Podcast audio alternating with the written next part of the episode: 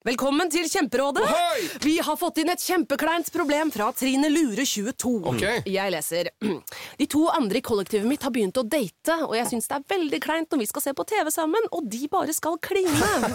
Ok, ja, Yes. Hvordan skal hun løse dette? Siden Trine Lure er under 30, får hun jo ubegrenset data fra Telenor fra 399 kroner. Da Da kan hun sette seg på sitt eget rom, streame så mye hun vil på mobilen. Ja, hun kan jo se på nye mobilabonnement på telenor.no. Ja, det er lurt. Jentesex, en podkast produsert av Fenomen. Jentesex med Camilla Lorentzen og Julie Visnes. Dette er Jentesex.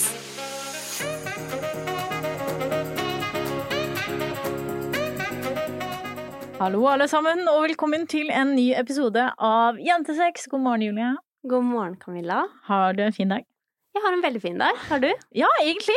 Jeg er litt sulten, eh, men det er jeg stort sett. Så det er på en måte ikke noe nytt, og ikke noe som definerer dagen min. Jeg føler ikke jeg er noe annet enn sulten, jeg. Hele tiden. Det kan kanskje tyde på at du spiser for lite. Ja, kanskje jeg burde spist litt mer. Det er jo et godt poeng. Faktisk. Takk. Det, det burde jeg sikkert. Eh, ikke akkurat nå, for nå skal vi spille inn podkast, og det kan jo være greit å ikke smatte så fryktelig mye. Har Og det det er derfor du tar en Fisherman Friend inn i munnen akkurat nå? Ja, men jeg liker de Fishman Friend-greiene veldig godt. De har sånne single packs Da blir du sånn smatteguri. med Fisherman Friends her. Jeg har ikke smatta mye, har jeg det da? Smatta jeg mye i den forrige podkasten vår? Da spiser jeg Fisherman Friend hele greia. Hadde det i kjeften, vet du. Jeg så deg. Eller øver. Nei, Nei. det er ikke lov å si. Camilla! Gross. Too much information. Too much information. Ja, ja, ja. Har det skjedd noe spennende i livet siden sist? Um, ja, altså vi er jo tilbake på hytta, da. Ja. Så det er jo meget spennende. Jeg elsker jo livet på hytta, så det er ti av ti. Altså, jeg driver og lurer på om vi kommer til å ende opp med å etablere oss på et sånt eh, der ingen skulle tro at noen kunne bo.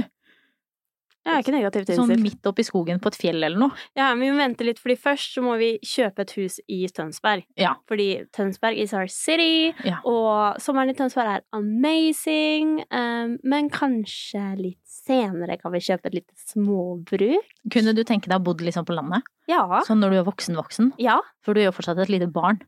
Jeg er straks 25 år, alle sammen. Jeg har bursdag 9. desember. Det er den viktigste dagen i livet. Send me happy birthday messages. Ja, det må dere faktisk. Hvis ikke så kommer dere til å bli kasta ut, ikke bare av livet til Julie, men mest sannsynlig av planeten Tellus. Men ikke tagg meg på story, for da blir jeg flau. Gjør det likevel. For du blir flau, men glad. Flau, men glad. Ja, og det er jo sånn det liker å være. Ja, det er Ja, sant. men kunne du helt på ærlig liksom tenke deg å etablere deg et sted utenfor storbyen? Ja, det kunne jeg. Det, altså, spesielt nå som jeg har vært på hytta så lenge, og vært liksom med naturen rett utafor døra, og the nature is so beautiful. Altså, hver gang man går ut, så er det liksom a freaking miracle. Ja, det er veldig deilig, faktisk. Og så, jeg har ikke savna så mye byen heller. Nei, jeg savna litt sånn Du vet, I'm a shopping human being, så jeg har savna å kikke litt og stråle litt og være litt på kafé og alle disse girly, girly, girly tingene jeg liker å drive med, men bortsett fra det så har jeg faktisk ikke savna noen ting, bortsett fra Sølve. Ja, Sølve har jeg savna veldig mye. Da, jeg har jo spurt han om han vil være my best man in our wedding. Åh, det blir så Åh, det kommer til å bli det fineste. Jeg skal ha Maren og Fanny, og jeg er så heldig! Og jeg gleder meg så mye. Jeg tror at han kommer til å lage uh, den beste utdrikningslag Jeg håper vi kan ha utdrikningslag sammen. Fordi du er min, på en måte min beste venn, Ja. i tillegg til å være kjæresten min. Ja. Og forloveden min. Ja. Snart kona mi. Ja. Mor til mine barn. Um, så det håper jeg litt. At han kan slå seg sammen med dine forlovere og skape noe magisk der. Det tror jeg han klarer.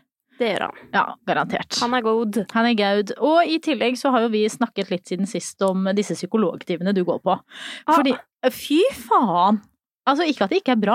Nei, altså, men det mener jeg hands down. Altså, det er 100 verdt det å gå til privatpsykolog, fordi hun er spesialist, og um, I die without her, Mm. men fuck, it's expensive. Hvor mye koster det for en dobbelttime? 2500 kroner. Hvor sjukt er det? Og så tenker jeg, men hvorfor er det sånn? Fordi at jeg har vært på DPS tidligere. Um, og det koster 350 kroner per time fram til du har frikort, og så er det gratis etter det. Men it's kan hende jeg har vært jævlig uheldig da, og møtt uh, psykologer som på en måte ikke matcher meg og min personlighet og min, eh, min ting, men faen så stor forskjell det er. På psykologen du har nå og den du hadde da? Ja. Hvordan da? Nei, altså, hun er sånn går direkte i gang med sånn eh, behandling som faktisk Altså, behandlingen er helt jævlig, don't get me wrong, liksom. Man går liksom eh, Det her er kanskje trigger warning, men uh, man går uh, inn i overgrepene og på en måte snakker gjennom de mens jeg har øynene lukka og liksom uh, gjenopplever det, da, basically, hvor hun guider meg gjennom følelsene mine og hvordan jeg egentlig eh, Altså det som egentlig er sannheten, da, fordi at ofte når man har vært utsatt for eh, overgrep, så sitter man igjen med enorm skyldfølelse, enorm skamfølelse eh, og mye sånt, så å plassere skylden der den hører- hjemme, da, blant annet, og å være litt snillere mot meg selv, har liksom vært, vært inngående, mens eh, hos den andre psykologen så har det liksom vært sånn kognitiv samtaleterapi, og den kognitive samtaleterapien har gått veldig ut på hvordan, hva har du gjort siden sist, og hvordan går det på skolen? Ja. Which I'm not here. I don't need help with my fucking schoolwork. I need help with my fucking anxiety. og PTSD, da, som jeg faktisk har. ja, så det er liksom en helt annen måte å nærme seg deg på. Ja, og så tenker jeg, altså, it's so unfair, fordi tenk hvis Altså, kan man er heldig og finne en offentlig psykolog som det, er skikkelig god. Helt sikkert, men eh, jeg tenker jo med du da, som på en måte har en diagnose, eller Ja. hva man skal kalle det, så er det jo noe med at man i det offentlige også burde henvises til noen som har spesialkompetanse på det området. Ja. Du ville jo ikke, hvis du hadde hatt eh, hjerteproblemer, kommet til en lege som stort sett eh, jobber med meniskoperasjoner. Nei. Det ville du jo ikke. Nei. Men på det psykiske helseområdet så blir man på en måte bare delegert videre til den som har ledig tid. Litt uavhengig av om vedkommende er spesialist eller ikke, er min oppfatning. Det kan hende jeg tar feil, men det er min oppfatning. Og det er jo så trist når man kunne fått så mye bedre hjelp hvis man hadde kommet til rette vedkommende. Ja, og jeg syns også det er skikkelig urettferdig, fordi at dette er ikke alle, og jeg føler meg som verdens heldigste som tjener nok til å kunne gå privat, men det, altså, de færreste har jo midler til å kunne eh, gå flere ganger i måneden til en privat psykolog som faktisk kan det du sliter med, så sykt mye bedre enn den random offentlige du får tildelt på DPS. Mm. Åh, og jeg blir så sur fordi det er så urettferdig. Ja, det er skikkelig urettferdig. Det er jo litt sånn Det blir jo et ekstremt stort skille mellom de som kan få, og de som ikke kan få hjelp. Som på en måte fører til en segregering, for å bruke det ordet, i samfunnet som man ikke nødvendigvis behøver å ha i et land som Norge, hvor det offentlige tilbudet skal være godt nok. Jeg skjønner ikke hvorfor de ikke tar mental helse mer på alvor, og spesielt nå i eh, koronapandemien, og det er lockdown, og folk har ikke lov til å se mer enn altså to stykker. Ensomheten er jo til å ta og føle på, og de som tidligere hadde på en måte det sosiale nettverket å spille på som kanskje holdt de litt over vann, da, hodet litt over vann. Altså, man drukner jo fortere enn svint når man må være helt alene. Ja, det er helt, helt forferdelig. Hvordan tror du du hadde hatt det hvis du hadde vært helt alene nå og ikke kunne møte noen og ikke hadde gått til psykolog? Det hadde vært helt jævlig. Altså, nå kan jeg på en måte ikke helt sette meg inn i situasjonen, fordi nå er det så lenge siden jeg har vært alene på den måten, men jeg vet jo, jeg kan jo sammenligne det med når jeg var sykemeldt. Eh, fordi jeg hadde en case eh, med Espresso House hvor eh, de brøyt arbeidsmiljøloven på veldig mange områder, som endte opp med at jeg måtte sykemelde meg eh, før jeg sa opp. Og da hadde jeg tre måneder i hybelen min, hvor alle vennene mine var på skolen, eller alle vennene mine var på jobb, og alt jeg gjorde var på en måte stå opp, spise og gå på Barry's. Og takk Gud for Barry's da, men den perioden hvor jeg satt inne, så isolerte jeg meg selv completely, og det var tøft. Men da hadde jeg jo også faktisk muligheter til å gå ut. Men tenk hvis du har det så tøft og ikke har den muligheten. Du har ikke muligheten å gå på Barry's, eller hva enn du på en måte bruker for å lift your uh, thoughts out of your head, uh, whatever. Åh, ja, jeg blir skikkelig frustrert. Jeg syns det er helt forferdelig. Ja, det er ikke kult, altså. Jeg skjønner så godt om man sitter nå og føler seg litt aleine, og ensom og stuck. Um, nå var det jo ikke egentlig det vi skulle prate om, men det ble da en prat likevel, ja. Ja. Og Det er en fin prat, syns jeg. det er en fin veldig prat. viktig. Men husk også at det finnes veldig mange du kan eh, strekke ut en hånd til hvis du føler deg aleine. Hjelpetelefoner, eller 113 116. Um, ting du kan eh, ringe, Og søke opp. bruk online-psykolog. Ja! Ja! Bruk online psykolog. Det finnes masse Er det Go Mentor eller en sånn ting? Ja, jeg vet det- ikke om men de det- er så gode. Jo, men også eh, de Kry og Ja. Eh, de eh, Forskjellige Ja, de ulike tilbudene. Bruk det. Ja. Um, ja. Det er skikkelig deilig å få lufta tankene sine Og tankene hvis du ikke har råd til å gå, en, gå til en psykolog, så opprett en GoFundMe, så skal jeg dele den på profilen min. Oi, det var lurt. Hei, det var smart. Julie Visnes. Ja. Det er bare å sjekke ut. Hvis du da bruker de penga på noe annet, så blir det haraball. Men eh, hei, det var en, et skikkelig godt tiltak. I tillegg så har jo vi, bare for å snu den praten vekk fra det mentale 110% 180 grader rundt, så har jo også vi snakket litt siden sist, eh, fordi det har vært litt sånne ting på, på Instagram hvor i hvert fall to profiler som eh, vi har fått med oss, har delt det her med å hvordan det å gå på do hvis man er i samme hus som noen andre, eller å tisse mens den andre er på badet, ødelegger romantikken i forholdet. Da har jeg bare én ting å si, at forrige uke så eh, Jeg vet ikke hvordan jeg fikset det, men jeg skulle tørke meg, og så kløyp jeg meg i rumpehullet og begynte å blø. Altså, det blødde så jævlig mye, og det som skjer da, er at jeg sitter på do, skriker til Camilla For faen! Jeg blør rett ut av rasshølet! Så jeg tror ikke at jeg kan relatere så veldig mye til dette, og jeg syns romantikken er ganske intens. Den er oppe og nikker, selv om du bøyde deg fram etterpå og spurte har jeg sår. Det hadde du ikke. Nei. Så jeg vet ikke helt hvor du blødde fra. Det kan jeg ikke svare på. Nei, men det er så mye prat om det her, liksom. Nei, jeg vil ikke høre, høre kjæresten min bæsje hvis vi er på do sammen. Det var en mann som la ut det her, at han ikke ville høre dama si eh, gå på do, liksom, hvis vi var på hotell sammen. Og ikke sammen. ville gå inn og lukte det Nei, og ikke ville lukte det etterpå, forhurra meg rundt og var det, Jeg tror Sofie Elise delte at hun ikke tissa foran kjæresten sin, for hun følte det ødela romantikken. Men det er sånn, herregud, alle bæsjer og alle tisser. Men jeg gjør det i hvert fall ikke mens vi har sex. Eh, noen gjør sikkert det også, men ah, Altså, eh, én ting er Ja. Det er helt greit hvis du ikke vil tisse foran eh, eh, partneren din, hvis du ikke vil bæsje foran Jeg bæsjer ikke foran Camilla heller. Uh, bæsje foran partneren din. eh, hvis du ikke vil prompe, hvis du ikke vil rape, don't do it. Men ikke føl at det er noe gærent med deg hvis du gjør det. Nei. Fordi at jeg går inn på badet mens Camilla dusjer og setter meg ned og tisser. Ja. Um, og så noen ganger så, så er det sånn, så har jeg gått og tissa med åpen dør, og så skriker jeg 'Loris, for faen, jeg må bæsje! Kan du bare lukke døra på meg?' Det gjør du faktisk veldig ofte. og vi kommenterer alltid på hverandres stank når Ja. vi går inn på badet hvis noen har vært der før. Så there are two sides to every fucking story. Det er det. Faen så mye jeg Unnskyld. At du snakker engelsk, var det det Nei, du skulle si? Nei, jeg skulle si faen så mye jeg banner. Du vet at Åh, min... jeg skal slutte med det. Unnskyld. Du- Det jeg vet det er ikke veldig classy. I'm just I'm trying. Den eneste som kommer til å kommentere på dette, er min mor. Å ja, Ja. og jeg er så glad i Nina. Jeg vil ikke at Nina skal bli sur på meg. Nei, det er jo veldig trist hvis svigermor skal begynne å mislike deg fordi du banner så mye, tenker jeg. Ja, og Nina Ja. er min favoritt. Ja, så det kan du ikke. Nå var du god.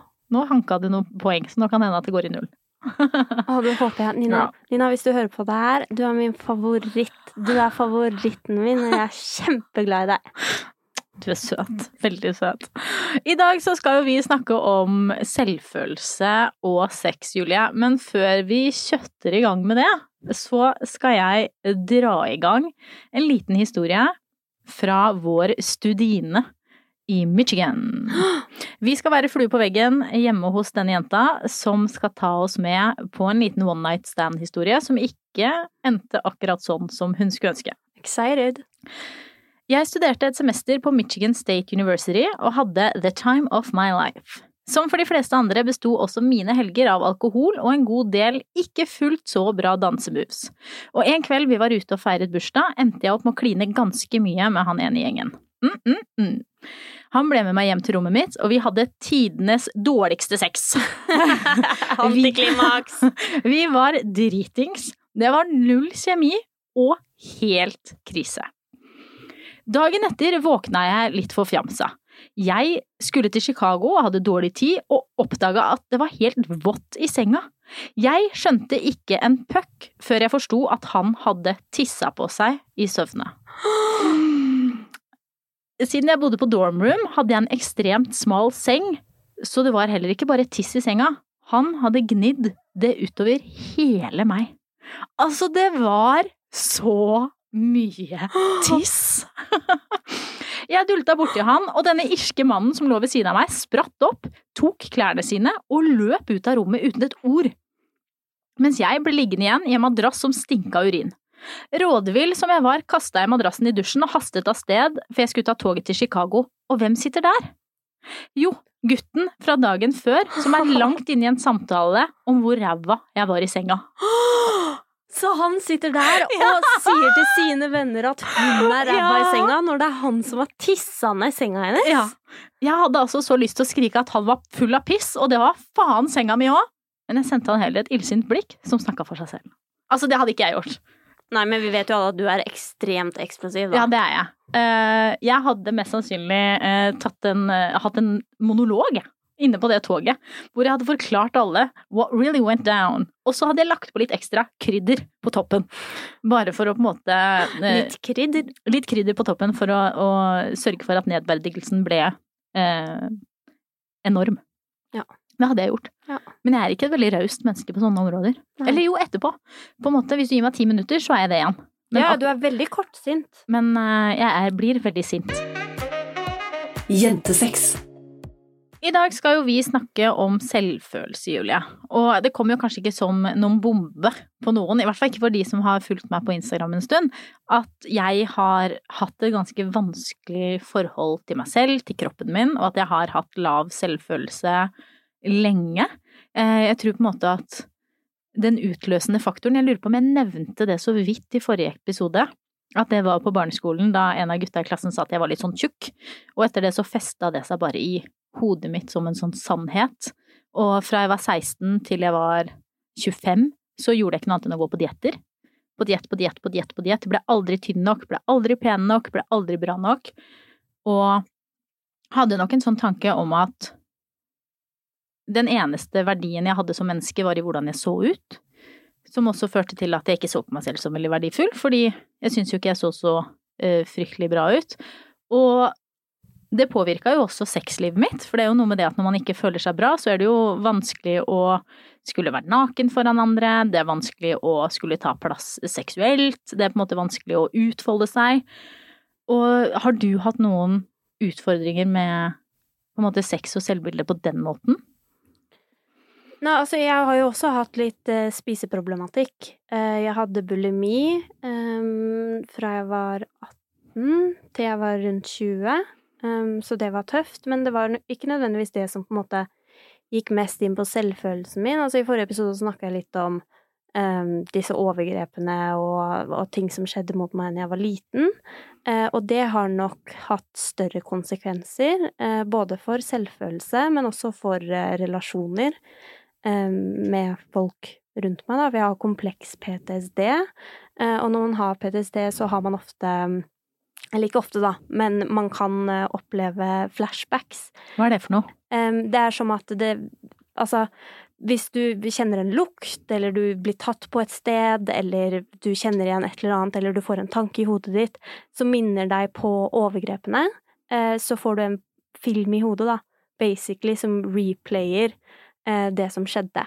Eh, så det har, eh, har vært tøft på, på mange områder. Det har vært tøft eh, på vennskapsområder, fordi jeg har alltid følt meg veldig unormal og alltid hatt et sykt ønske om å passe inn og være mm, altså normal, da. Å være en av gjengen og alt mulig sånn her. Jeg har også hatt et behov for å på en måte fremstå veldig kul. Og det blir også sånn som det jeg snakka om med de de eh, løgnene jeg snakka om i, i forrige episode, som ble litt sånn Ok, men hjemme så får jeg beskjed om at jeg aldri skal fortelle sannheten til noen. Fordi eh, da kommer mamma til å dø, da kommer alle til å dø, og alle disse truslene her som på en måte har gjort at, at jeg har fremstilt meg selv som en veldig kul person, da. Noe som åpenbart egentlig ikke er sant, fordi jeg er jo livets geek. Verden, Um, verdens beste geek, spør du det meg. er jeg. Ja, det er du. Um, men ja, og det kan vi også Det er jo helt en complete avsporing, da, men det også har på en måte vært veldig vanskelig for meg med deg, fordi at jeg har plutselig blitt en veldig uh, offentlig person uh, som diskuteres på Jodel og så videre, og så er det noen som har kjent meg for ti år siden, da, som på en måte har uh, smakka ut på Jodel at jeg lyver mye. Um, og det har vært uh, tøft, tøft for meg, fordi uh, de siste fem årene så har jeg jobba ekstremt mye med å på en måte bli content med den jeg er, og selvfølelsen min og alt det her, og ja, så it is what it is, men sånn sexually så var det tøft i starten, Um, og det var eh, altså første gang jeg hadde sex, så fikk jeg flashback. Og um, altså, det ødela måneden min. Um, fordi det ble på en måte rett rundt i denne PTSD Altså runddansen, da, man har um, når man har den diagnosen. Uh, så det har vært, uh, vært tøft. Men uh, hva skal jeg si at etter hvert som jeg fikk hjelp, og jeg faktisk gjorde en innsats da, for å endre på det her, og på en måte tok litt tilbake den seksualiteten min, at det, det er greit Uansett hva som har skjedd med meg, så betyr ikke det at jeg ikke skal få nyte sex, og jeg skal ikke gå rundt og være redd for å få flashbacks i sex, fordi at jeg, jeg elsker sex. Altså, det er helt fantastisk, og consensual sex er magisk. Overgrep er jo ikke sex. Nei, ikke sant? Og det er jo på en måte ja, det er viktig, det. viktig å, å påpeke at overgrep har ingenting med sex å gjøre. Nei. Eh, Fordi det er ikke det, for Nei. sex er en samtykkende ting mellom to eller flere mennesker, og noe som er fantastisk, og noe som er nydelig. Voldtekt er ikke sex, overgrep er ikke sex. Det er overgrep. Ja. Og, men jeg skjønner jo, altså jeg kan ikke sette meg inn i det, men jeg kan forstå at det er vanskelig å se på sex som noe fint når det har vært noe så Eller når man setter på en måte sammenheng mellom de handlingene som skjer, da, og noe som har vært så vondt. Ja. Og at det kan skape en sånn Ja, det skaper en sånn uh, flashback-greie, da, fordi at jeg er jo ekstremt heldig som aldri har opplevd um, noe negativt uh, i voksen alder. Uh, jeg har aldri um, altså blitt voldtatt Mm. i um, Når jeg var Altså, hva heter det? voksen. Over lavalder? Over seksuelle alder. Ja, voksen alder. Ja, voksen. Ja. Um, så det har vært ekstremt bra. Men uh, i starten så sleit jeg jo med de flashback-greiene, og derfor var det ikke så fett likevel. Men tror du ikke også at Eller tror du uh, Hvordan er det med på en måte den skammen når man begynner å like sex? Ja, den er uh, intens. Ja. Det er en intens skam, hvor du på en måte Men det også er jo et emosjonelt flashback, Ja. som du på en måte sitter i, og som du får alle de følelsene du fikk um, uansett hva som skjedde med deg når du var liten, um, og sitter igjen med den skamfølelsen du satt igjen med etter overgrepet. Fordi at eh, når man er liten, så er det Man forstår liksom ikke helt hva som skjer, um, og man tror veldig på alle truslene man får, og alt som skjer med deg sånn, så man sitter jo med en enorm skam om at det er manns egen feil. Mm. Altså, jeg husker når jeg var eh, ti år, så var jeg veldig sånn her Å, herregud, dette her er bare min feil. Det er, jeg er for frekk mot han. Jeg fortjener dette. Dette er eh, Altså, jeg må bare stå i det. Det er min feil. Og uansett så kan jeg ikke si det til noen, fordi at da skjer det dritt med alle jeg er glad i. Uh, så du sitter jo på en måte igjen med en sånn skamfølelse som kan uh, resurface, da, når du er i en seksuell posisjon senere. Ja, det Altså, jeg vet nesten ikke hva jeg skal Vi har jo hatt veldig mye av disse samtalene før. Ja. Um, og det her er jo noe vi snakker om, om jevnlig, fordi vi begge er jo veldig advocates for, advocates for åpenhet, og det å snakke gjennom ting selv om det er vanskelig. Um, jeg vil ikke pushe deg til å si noe du ikke er komfortabel med, så jeg tenker at du må på en måte få styre den samtalen dit du vil at den skal gå, uten at jeg spør for mye. Um, sånn at du vet Hva som er ok? er, jeg tror det bare er viktig på en måte for alle som Fordi at det er ekstremt mange som har vært gjennom en eller annen form for overgrep. Ja. Um, og som sitter igjen med, med en følelse av skyld og skam. Og jeg har bare lyst til å på en måte si til dere at det er greit å snakke om det. Og det er greit å ta opp. Og har du en partner og du ikke er komfortabel med sex, så vær så snill å, å forklare. Og forklar hva som gir deg flashbacks, og hva som er vanskelig, sånn at det faktisk kan bli en fin greie, og også vite at det, den, altså, den personen har gjort noe kriminelt mot deg, og det er ikke din feil. Og det skal ikke stoppe deg fra å leve det livet du ønsker å leve i det hele tatt. Vi har jo snakka mye om det der med å plassere skyld, eh, og det er jo noe vi har gjort mye.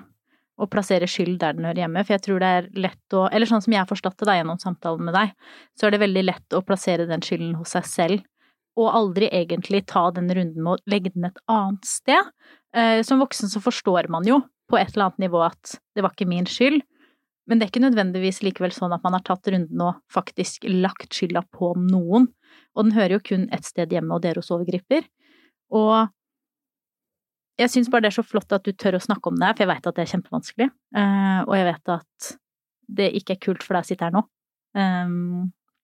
Og, men jeg syns det er så flott at du sier det høyt, sånn at andre kan se at det går faktisk an å ha opplevd sånne ting og få et velfungerende sexliv som voksen. Ja. Fordi det er jo engang sånn at sånne ting påvirker altså ekstremt mye, og det har fatale konsekvenser. Men det er jo også sånn at uh, i mange tilfeller så går det an å gjøre i hvert fall noe med det, som gjør at det livet som ligger foran deg, uh, ikke behøver å preges så mye av det livet som ligger bak deg, som det kanskje gjør i dag. Og at det går an å, å søke hjelp, at det går an å snakke.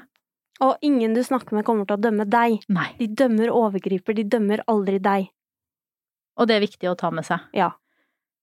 Åh, herregud. Ja. Jeg, men jeg syns jo også at det er eh, litt rart at vi har, har snakket så mye om det her, fordi da jeg ble kjent med deg, så visste jeg jo ingenting. Um, og mitt inntrykk av deg fra før vi begynte å ligge sammen sånn sett, er jo at du alltid har vært ekstremt trygg på deg selv. Eh, At du har vært sykt selvsikker, hatt en vanvittig høy selvfølelse, og at sex har vært noe som er sånn ja, er, jeg er god på det. Jeg elsker det, det er bra. Eh, I can do whatever the fuck I want. Alle som sier noe annet, kan gå og dytte en finger opp i rasshølet. Eh, ja, og det har jo vært et resultat av mye jobb, da, så har jeg jo havna helt i den, i den retningen. Og det er jo digg nå. Eh, men det er viktig å huske på at eh, grunnen til at jeg lå så mye rundt tidligere, var jo også at jeg prøvde å fuck the gay away. Um, så det er jo Det er på en måte en stor del av det. Altså, det er ikke sånn at jeg har tenkt at yes, jeg skal gå rundt og ligge med masse menn. Det er digg. Det er sånn lukk øya dine og bare get it over with. Så hopefully, når du våkner i morgen, så er hele denne lesbisk-greia over. funka det? Nei. Nei, det funka dårlig. Men eh, selvtilliten din i senga er jo ganske høy nå. Ja, det er den. Jeg har øvd mye. Hvordan da? Øvd mye, hva betyr det?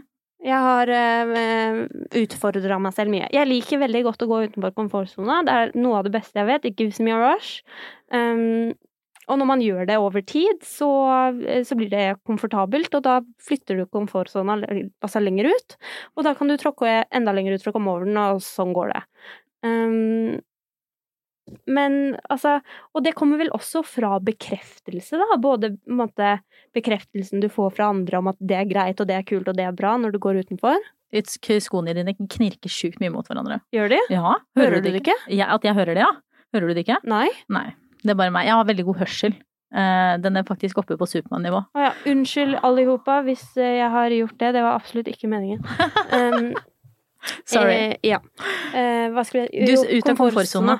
Eh, at den har flytta seg ganske langt ut med tiden, og at det er eh, bekreftelse både fra meg selv og andre.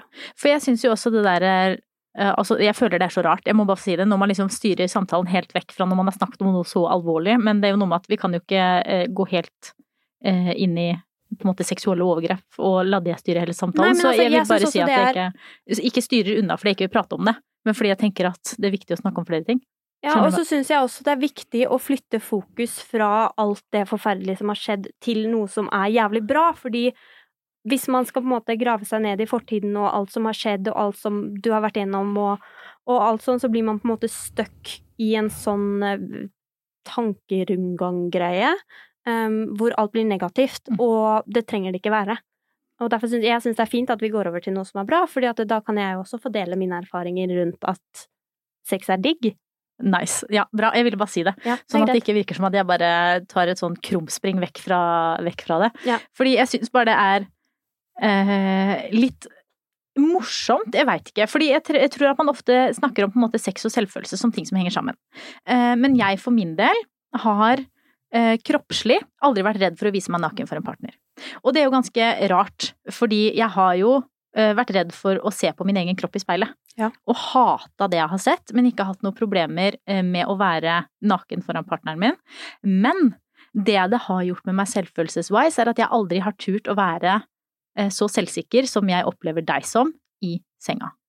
Nei. Eh, Jeg har aldri turt å ta ansvar, jeg har, eller liksom ta initiativ-initiativ. Jeg har aldri turt å legge fram hva jeg ønsker. Eh, Jeg har aldri turt å på en måte sette meg sjøl i fokus på den måten. Um, og så har jeg tenkt at det handler om selvfølelsen min, men tingen er at selv når jeg fikk bedre selvfølelse, så gjorde jeg ingenting av det der.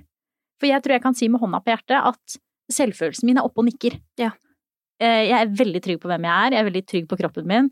Jeg vel- vet at eh, på en måte, nei, ikke noe idealkropp eller noe som helst sånn, men det, det gjør ingenting. Jeg er på en måte fornøyd med den jeg er, jeg liker eh, puppene mine, jeg liker rumpa mi, jeg liker magen min, jeg liker på en måte det aller meste. Det er jeg Ja, det er bra, det bør du. Um, men allikevel så har jeg syntes at det er vanskelig å ta den plassen rent seksuelt som jeg alltid har trodd at skulle komme med god selvfølelse. Skjønner du hva jeg mener? Ja, jeg skjønner absolutt uh, veldig godt. Unnskyld, folkens, jeg måtte bare flytte mikrofonen, den var litt langt opp. Um, jeg skjønner hva du mener. Jeg bare syns det er så vanskelig å relatere. Nei, men jeg har jo på en måte heller hatt det litt omvendt. At jeg har nødvendigvis ikke den høyeste selvfølelsen og høyeste selvtilliten i meg som person, men i senga så er det liksom ti av ti, og jeg er ikke redd for noen ting, og jeg er ikke redd for hva partner syns om meg, eller tenker om meg, eller Jeg vet at hvis det er noen som er der som vil ligge med meg, så syns de jeg er deilig, og så da gjør jeg hva faen jeg vil. Men tror du ikke det er nettopp fordi du sa at du har turt å pushe deg sjøl ut av komfortsona? Jo. Jo. Ja, og så har jeg ikke gjort det på det vanlige selvfølelsesplanet, tenker du? Eller i hvert fall, jeg veit ikke om du ikke har gjort det på det vanlige selvfølelsesplanet, det tror jeg nok du har, men jeg tror at grunnen til at jeg har så, eller har hatt, så vanskeligheter med å ta kontroll i senga, fordi jeg aldri har pusha meg ut av den komfortsona. Ja. At selv om selvfølelsen min har vokst, og selv om jeg ser på meg sjøl som en person som eh, fortjener det beste i verden, så har jeg aldri turt å pushe meg sjøl ut av komfortsona på den måten når det kommer til sex. Som jeg for eksempel har da når det kommer til trening. For eksempel før jeg var livredd for å løpe. Sant? Fordi jeg var så redd for å bli andpusten, jeg var redd for at folk skulle se på meg, jeg var redd for at jeg skulle puste for høyt, jeg var redd for at jeg skulle trampe for høyt på tredemølla, alt mulig rart. Men jeg begynte sakte, men sikkert å pushe meg sjøl ut av komfortsona, som gjorde at nå løper jeg, og jeg syns det er gøy, og jeg tar pauser når jeg vil, og det gjør ingenting om jeg blir sliten. Mens når det kommer til det seksuelle, så har jeg aldri turt å gjøre det. Hvorfor ikke det, tror du? Jeg vet ikke om det helt har liksom ligget til rette for det. Um, fordi jeg veit ikke om det er så lett å gjøre på type one night stands og sånne type ting. Fordi da er det jo med en person som du ikke nødvendigvis stoler på. Um, og så kan man jo si at jo, men det burde jo være lettere fordi det spiller ingen rolle hva denne personen syns. Og det er sikkert sant. Men jeg tror sikkert det spilte en rolle for meg hva de syntes siden da jeg hadde one night stand, så var jeg hva da, 22? Ja. En lita, lita flik. Um, og så har jeg på en måte aldri kommet så langt i de tidligere forholdene jeg har vært i, at jeg har, har begynt å, å pushe på de tingene. Og jeg vet ikke om du merker at det er stor forskjell på meg nå fra da vi begynte å ligge sammen for en stund tilbake, men jeg syns jo det. Jeg også syns det. Altså, det er jo massiv forskjell. Du tar mye mer initiativ. Du er liksom on it. Du kan eh, være in control. Altså, it's fantastic. Ja, og det ja, Altså, fordi jeg husker, jeg husker det veldig godt. At eh, typ da vi begynte å ligge sammen, det må ha vært i Tønsberg, tror jeg, faktisk, at du begynte å si det her, eh, at du sa sånn Camilla, du slipper deg liksom aldri helt løs. Husker du at du sa det? Nei, det husker du sikkert ikke. Jeg husker veldig godt at du, at du sa det. Jeg sa det. Um, fordi jeg følte det jo sånn også. Jeg Hvorfor følte- det? Nei, fordi at det, det var liksom Jeg bestemte når vi skulle gjøre hva. Jeg bestemte XYZ. Alt, liksom. Jeg skjønner ikke hvorfor jeg sier XYZ så jævlig mye. Jeg skal slutte med det. Unnskyld, jeg skjønner hvis det er irriterende, men Jeg vet ikke. Du bare Du var til stede, men du var ikke in charge. Ja, Ja, jeg var til stede, men jeg var ikke in charge. Altså, jeg, jeg var med på ting, og så lenge du eh, foreslo hva vi skulle gjøre, så var det liksom ja, helt greit, do whatever. I can do whatever if you tell me what to do. Eh, men jeg syns det var vanskelig å, å selv ikke bare vite hva jeg ville, men også tørre å prøve, liksom. Men har det vært sånn uavhengig av eh, hvilket kjønn du har ligget med? Ja, egentlig. Jeg har aldri uh, liksom Ja, bortsett fra liksom de vanlige tingene. Det kan være sånn hvis jeg har lyst til å sitte på toppen, så kan jeg sette meg opp, eller hvis jeg har lyst til å gjøre det, så kan jeg gjøre det. Men aldri noe mer enn det. Nei. Aldri noe liksom utover det standard uh, vanilla-ligginga, eh, som på en måte har vært innenfor det jeg tenker at det er helt ok at jeg vil. Så har jeg ikke turt å, å på en måte presse meg noe sjøl ut av den uh, komfortsona der, da. Mm. Og jeg tror jo det er det som har vært annerledes med deg. For det første så har vi snakket veldig mye om sex. Eh, og jeg, det elsker jeg, at det er en av de få tingene som du blir klein av, når vi sitter i sofaen og har sånne spørsmålsleker, eh, og du får spørsmål om hva som tenner deg og sånn. At du blir klein da, det syns jeg er fantastisk, for det, da blir jo faktisk ikke jeg klein. Nei, det syns jeg faktisk er skikkelig kleint. Ja. Og du har jo til og med sånne spørsmålsrunde på Instagram Story. Ja. Og jeg husker i starten, når du seriøst hadde disse storyene eh, ofte, fordi folk var så curious, og jeg satt der og jeg bare «Øh, øh». Det var helt greit for meg at du la det ut alt sånt her, altså du spurte jo, og det var eh, ti av ti, men oh my god, I was constantly blushing. Really? Ja. Ja, for det syns jeg ikke er noe problem å snakke om det. Og det kan jeg godt gjøre, jeg kan snakke om uh, alt. Men å, å gjennomføre det i praksis, det var på en måte, har alltid vært litt vanskeligere, men jeg tror at du har gitt meg rom til å tørre, og til å prøve, og til å Altså, istedenfor å si 'vil du', XYZ, ja, nå er jeg på XYZ òg, så har du alltid spurt 'hva vil du'? Em, sånn at du på en måte har eh, for det første skapt et rom hvor jeg har hatt lov til å, å, å ta plass, eh, men også gitt meg på en måte muligheten ved å, å spørre meg hva jeg faktisk vil, istedenfor å foreslå ting som jeg kan si ja eller nei til Mm. Som har hjulpet meg sinnssykt mye. Og også det der å på en måte snakke om eh, fantasier, og tørre å snakke om litt sånn skamfulle ting, altså hva man liker at blir sagt. Vi skal jo snakke om dirty talk i en annen episode, så jeg kan vi jo spare til det. Men å liksom få lov til å være kåt, gir det mening? Ja. Sammen Mhm. har skapt et sånt rom hvor jeg har klart å å utvikle meg og pushe meg sjøl litt mer ut av komfortsona, som jo har gjort at jeg er mye mer kontent når vi ligger nå, enn tidligere, fordi jeg tør å gjøre de tingene som jeg faktisk har lyst til. Og jeg syns også det er morsomt å kjenne på hvordan eh, kåtskapen blir en annen, når man faktisk selv har, har litt kontroll, da. Uavhengig av om den kontrollen er å være dominant eller submissiv, det spiller ingen rolle, men at det liksom Jeg har lov til å være. Velkommen til Kjemperådet! Ohoi! Vi har fått inn et kjempekleint problem fra Trine Lure 22. Okay. Jeg leser De to andre i kollektivet mitt har begynt å date, og jeg syns det er veldig kleint når vi skal se på TV sammen, og de bare skal kline. Ok, ja, Hvordan skal hun løse dette? Siden Trine Lure er under 30, får hun jo ubegrenset data fra Telenor fra 399 kroner. Da Da kan hun sette seg på sitt eget rom, streame så mye hun vil på mobilen. Ja, hun kan jo se på nye mobilabonnement på telenor.no. Ja, det er lurt. Vil være. Hvordan pusha du deg ut av komfortsona? Oh no. Oh yes. Oh no. Å jo da.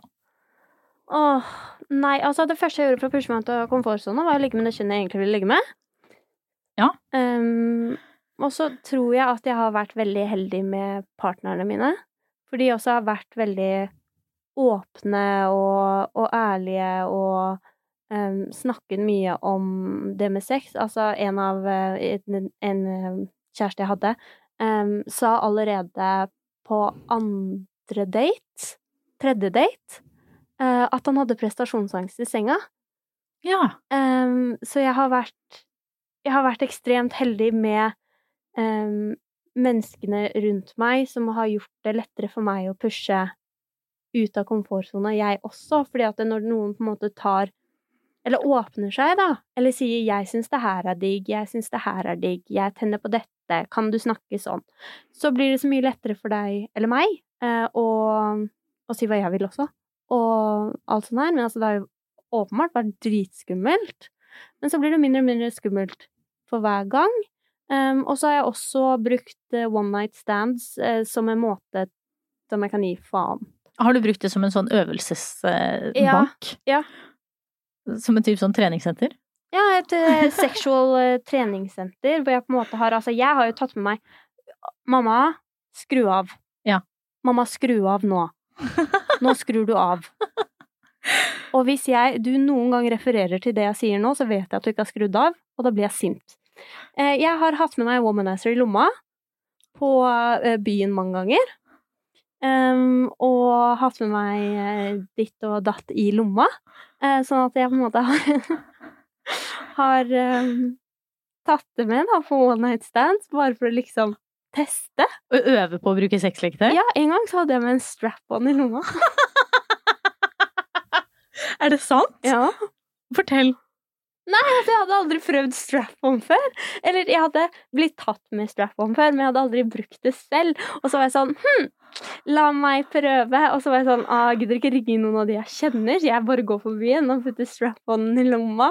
Og så fant jeg en chick på byen da, og hirrer off. Jeg bare 'Vil du være med hjem?' Hun bare 'Ja, selvfølgelig. Vi kommer hjem.' Jeg bare 'Hei, jeg har tilfeldigvis denne strap-on I lomma. i lomma'. Hvordan funka det? Det funka. Det funka gull? Men det var altså I put on a face, fordi det var scary, ass. Det Ja, var for det var skikkelig det. skummelt. Skikkelig skummelt. Åh, Var det sånn skikkelig fake it till you make it? Ja, veldig. Hvordan da? Nei, altså Jeg bare satte på meg et tryne som var sånn Hei, jeg har gjort dette tusen ganger før. Ikke tenk på det. Var du sånn skikkelig skuespiller? Ja. Men tror du ikke det kan være ganske sånn godt tips også? Og bare, fordi jeg gjør også det med deg. Ja. Mange ganger når jeg tar initiativ til ting, og hvis jeg eksempel skal være den som bestemmer eller forteller deg ting eller ber deg være stille eller whatever, så må jeg liksom late som at dette, vet du hva, dette er så meg. Dette er så meg at du aner ikke hvor meg det er. Ja, jeg så en kjendis faktisk eh, på Instagram her om dagen, eh, som hadde Hun er skuespiller. eh, Og så hadde hun gått inn i en rolle når hun skulle på red carpet, fordi hun fikk angstanfall hvis hun gikk sa om seg selv. Så jævlig Ah, smart. dritlurt! Og bare liksom ta på seg Vet du hva, i dag så er ikke Camilla, er Sjamu? Det er et navn nå. Eh, og liksom bare ta med seg den identiteten litt ut på byen eller på red carpet eller i senga, sånn at man kan øve på å gjøre de tingene man egentlig har lyst til å gjøre, uten å nødvendigvis måtte ta ansvar for det sjøl. Fordi det tenker jeg jo at man gjør litt ved å ta på seg den rollen, det er jo at eh, hvis det går til helvete, så trenger man ikke å ta det på sin egen selvfølelseskappe. Nei, nettopp. At du kan putte det litt i den boksen 'det var ikke meg', så det er greit. Ja. Og så etter hvert som du føler at det blir eh, komfortabelt, så kan du si at det er deg. Fordi at da har du på en måte pusha det litt unna. Altså si at denne eh, komfortsona di, holdt jeg på å si, det er en genser eller whatever. Og så er den litt langt unna, så du fyller en eh, annen person. Du fyller en annen person. Det er Julie med strap-on på byen, det. Åh, poenget var i hvert fall Du tar åh, Du tar på deg genseren etter hvert når du kjenner at den Ja. passer. Det er det du skal fram til er her? det er det jeg skal si. Ja, jeg skjønte det. Ja, Jeg syns du var god, jeg. takk. Jeg Har det, prøvde hardt. gått, har det noen gang gått til helvete når du har gjort noe sånt? Om det har gått til helvete, ja. Ja. Mange ganger. Hvordan da? Nei, altså, første gang jeg skulle ligge med en jente som et one night stand, så gikk det jo til helvete. Jeg hadde jo bare hatt en fast partner over tid, og altså I don't know if you know this, but every vagina is very, very, very different. Så jeg sto jo der med DJ-hånda mi og rubba klitten hennes way too hard, og det var en disaster. Hun likte det ikke. Mm, nei, det tror jeg ikke. Men jeg likte det ikke, jeg heller, så det var greit. Så det var greit for dere begge. Fordi man kommer jo også til å gå på noen smeller Ja. hvis man virkelig skal begynne å utfordre seg selv. Og det er jo så ok å gjøre på mange andre områder, men når det kommer til sex, så er det jo ekstremt lett å ta det personlig. Ja, Tror du ikke? Jeg har aldri tatt det personlig, men jeg kan jo se for meg at det, at det kan være et issue, men jeg har aldri det. Jeg bare spør om du kan snakke rett inn i mikrofonen. Sånn, ja. Jeg har Takk. aldri det. Du har aldri gjort det? Nei. Nei, Jeg tror at jeg kunne gjort det. Eh, hvis det på en måte hadde gått skikkelig gærent, så hadde jeg på en måte eh, tatt det på den derre uh, Hoppa et hakk ned på sexstigen igjen. Fordi jeg hadde følt at det Det var mislykka, liksom? Ja. Jeg er mer sånn ok, men det blir bedre neste gang. Og det er en veldig fin holdning å ha med seg, da. Sånn egentlig. Ja, eller prøve å tenke, i hvert fall. Det går jo an å prøve å, å endre mindsetet litt fra den der it needs to be perfect til heia meg som prøvde. Men hva tror du at de fleste jenter som eh, kjenner at de ikke tør å ta kontroll i senga, eller at de er redd for å utfolde seg, hva tror du de på en måte er redd for? Hva har du vært Altså, man er, redd jo, for? man er jo redd for hva andre tenker om deg. Det er jo ultimately det man er redd for. Er det ikke det, da? Jo, hva andre tenker om kroppen, hva andre tenker om underlivet. Ja, hvordan det lukter, hvordan det ser ut. Og det er jeg altså så jævlig lei av. At pornoindustrien fremstiller vagina som eh, en liten barbiedokke. Barbie-dokke. Ja, for det, altså alt man ser på som porno er jo Alt er glattbarbert, og alt ser likt ut, og de ytre kjønnsleppene er alltid lengre enn de indre. Og klitorisen, den er der bare du sier hei. Og jenter kommer med en gang du slikker de eh, på klitten to ganger. Mm. Fordi sånn er det jo ikke. Vi alle, altså nå har jo du sett flere vaginaer enn meg, eller jeg har vært en del i svømmehallen, da, så det har vært litt der. Men du har jo vært litt mer dypdykk inn i det enn meg. Og jeg regner med at det er ganske stor forskjell. Ja, men alle ser jo forskjellige ut. Alle. Og noen har liksom lange indre kjønnslepper, noen har litt mindre. Altså, vet du hvor stor forskjell det er på folk sin klitoris, bare? Altså, bare klitorisen i seg selv er jo Altså, hvor den sitter, hvor mye hud som er over, hvor stor den er. Altså, det er jo Everything is different. Men tror du det er lettere for gutter enn for jenter å godta det? På seg sjøl, liksom? Altså, jeg veit jo at det, Det- er mye snakk om størrelse, da, eh, Ja, på, på menn. Uh, men jeg bare føler ikke at det liksom er like ofte sånn jeg er så redd for at dama mi skal suge meg. Hva om hun ikke liker smaken? Det har jeg faktisk opplevd. Har du? Ja. Fortell. Um, min, ja, altså, men dette er jo min feminine kjæreste, da, som ja. jeg eh, var kjæreste med fordi jeg liker feminine mennesker. Oi, nå kaster Camilla opp. Coronavirus. Nei da. Jeg bare svelga feil. Gæli æsj.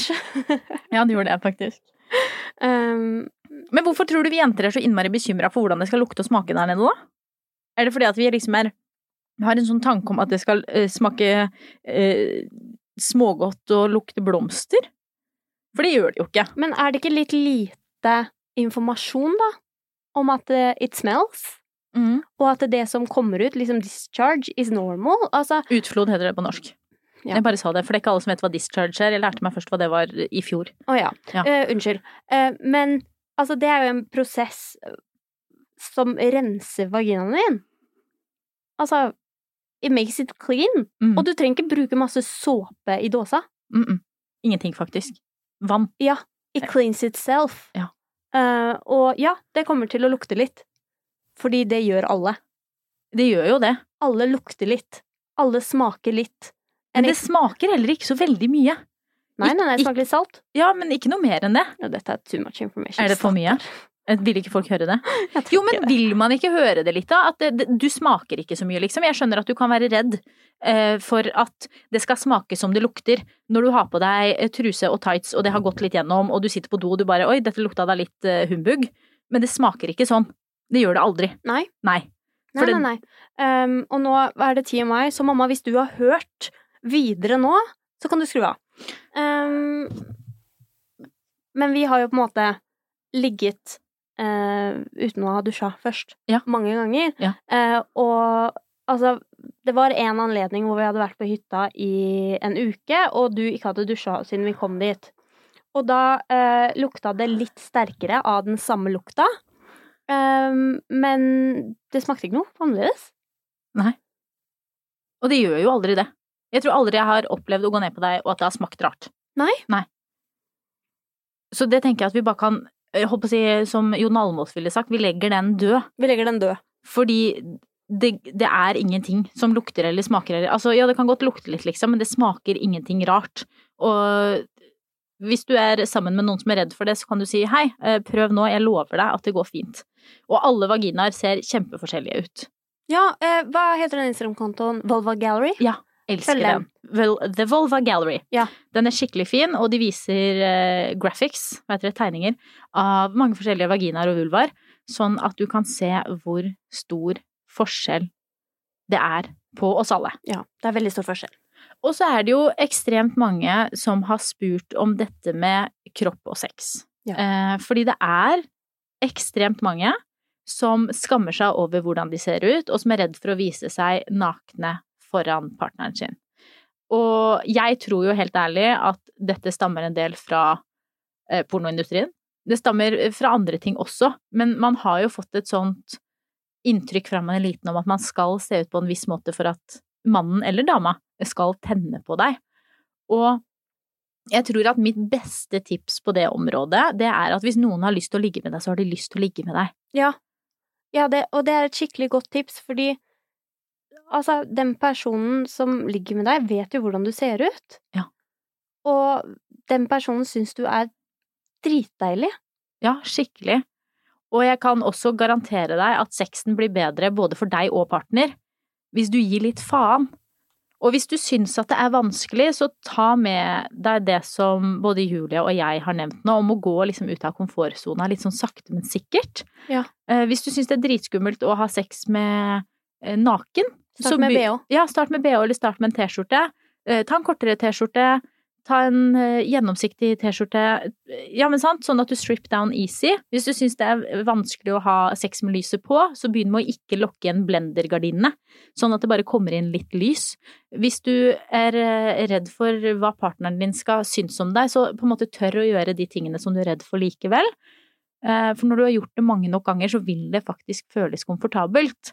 Og ja, jeg er for positive tanker, og ja, jeg er for at vi skal fokusere på det vi er glad i med oss selv, og ja, jeg er for at vi skal si pene ting når vi står i speilet, men ultimately så er jo det som gjør at vi vokser mest, og det som gjør at vi tør mer, er at vi faktisk begynner og prøver. Vi må øve! Ja, eksponeringsterapi for alle penga. Ja, men det er sykt viktig, og eh, vit at det mest sannsynlig så kommer det til å være litt skummelt i starten, og det kommer til å være litt vanskelig, men du klarer det. Mm. Du kommer deg gjennom det. Det er skummelt og vanskelig, men det får du til.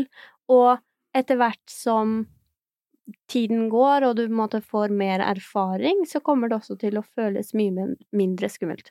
Og hvis du har en partner som du tenker har slitt med selvfølelse, og som du merker at har det vanskelig med å slippe seg løs når dere ligger, så kan det også være en idé eh, å gjøre som Julie sin kjæreste gjorde, og by på noen tanker du har først. Ja. Fordi det er ikke alltid så lett hvis man spør eh, hvorfor vil ikke du x, y, z, så er det ikke så lett å svare, men hvis man selv begynner samtalen med å si vet du hva, jeg syns det kan være litt vanskelig å stønne høyt. Jeg syns det kan være litt vanskelig å fortelle deg hva jeg vil at du skal gjøre. Jeg syns det kan være litt vanskelig å ha på lyset.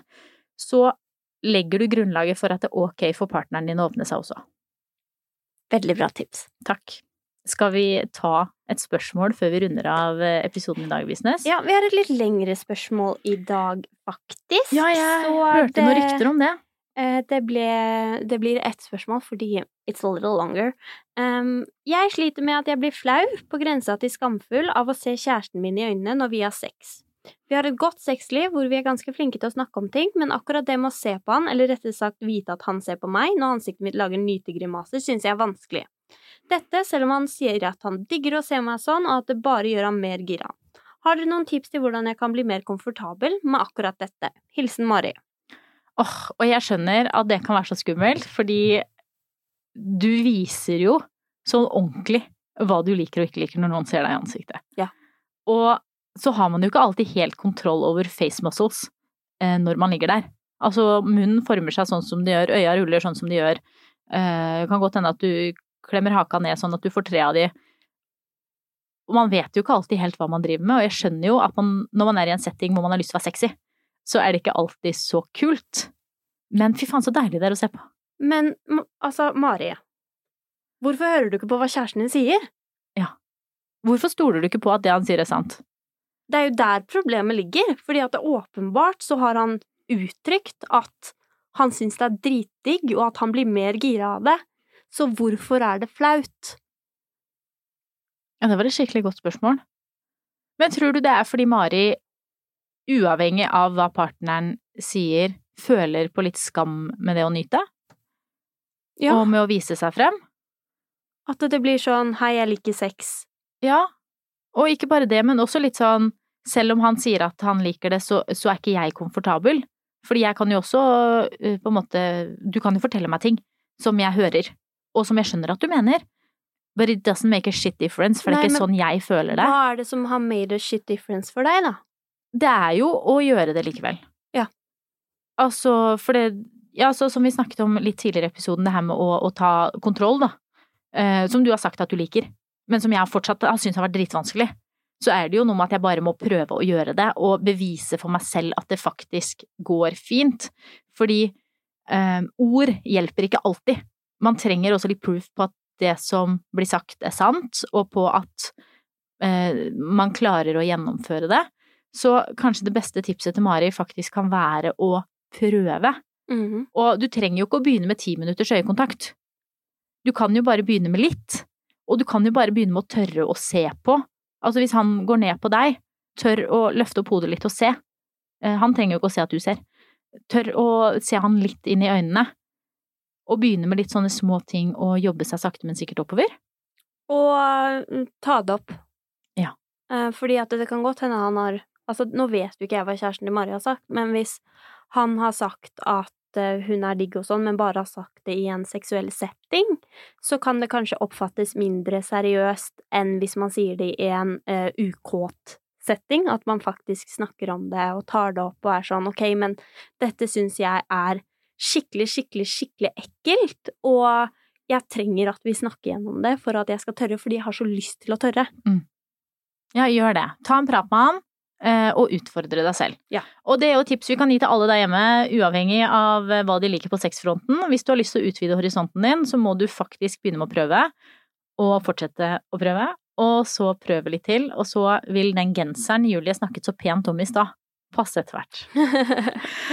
Og da tenker jeg at vi setter en strek for dagens episode der, ja. Ja. Som alltid så håper vi at du går inn i iTunes og gir oss fem deilige stjerner, legger igjen en liten kommentar, og at du følger oss på Instagram, Julie E. Visnes og Camilla Lor.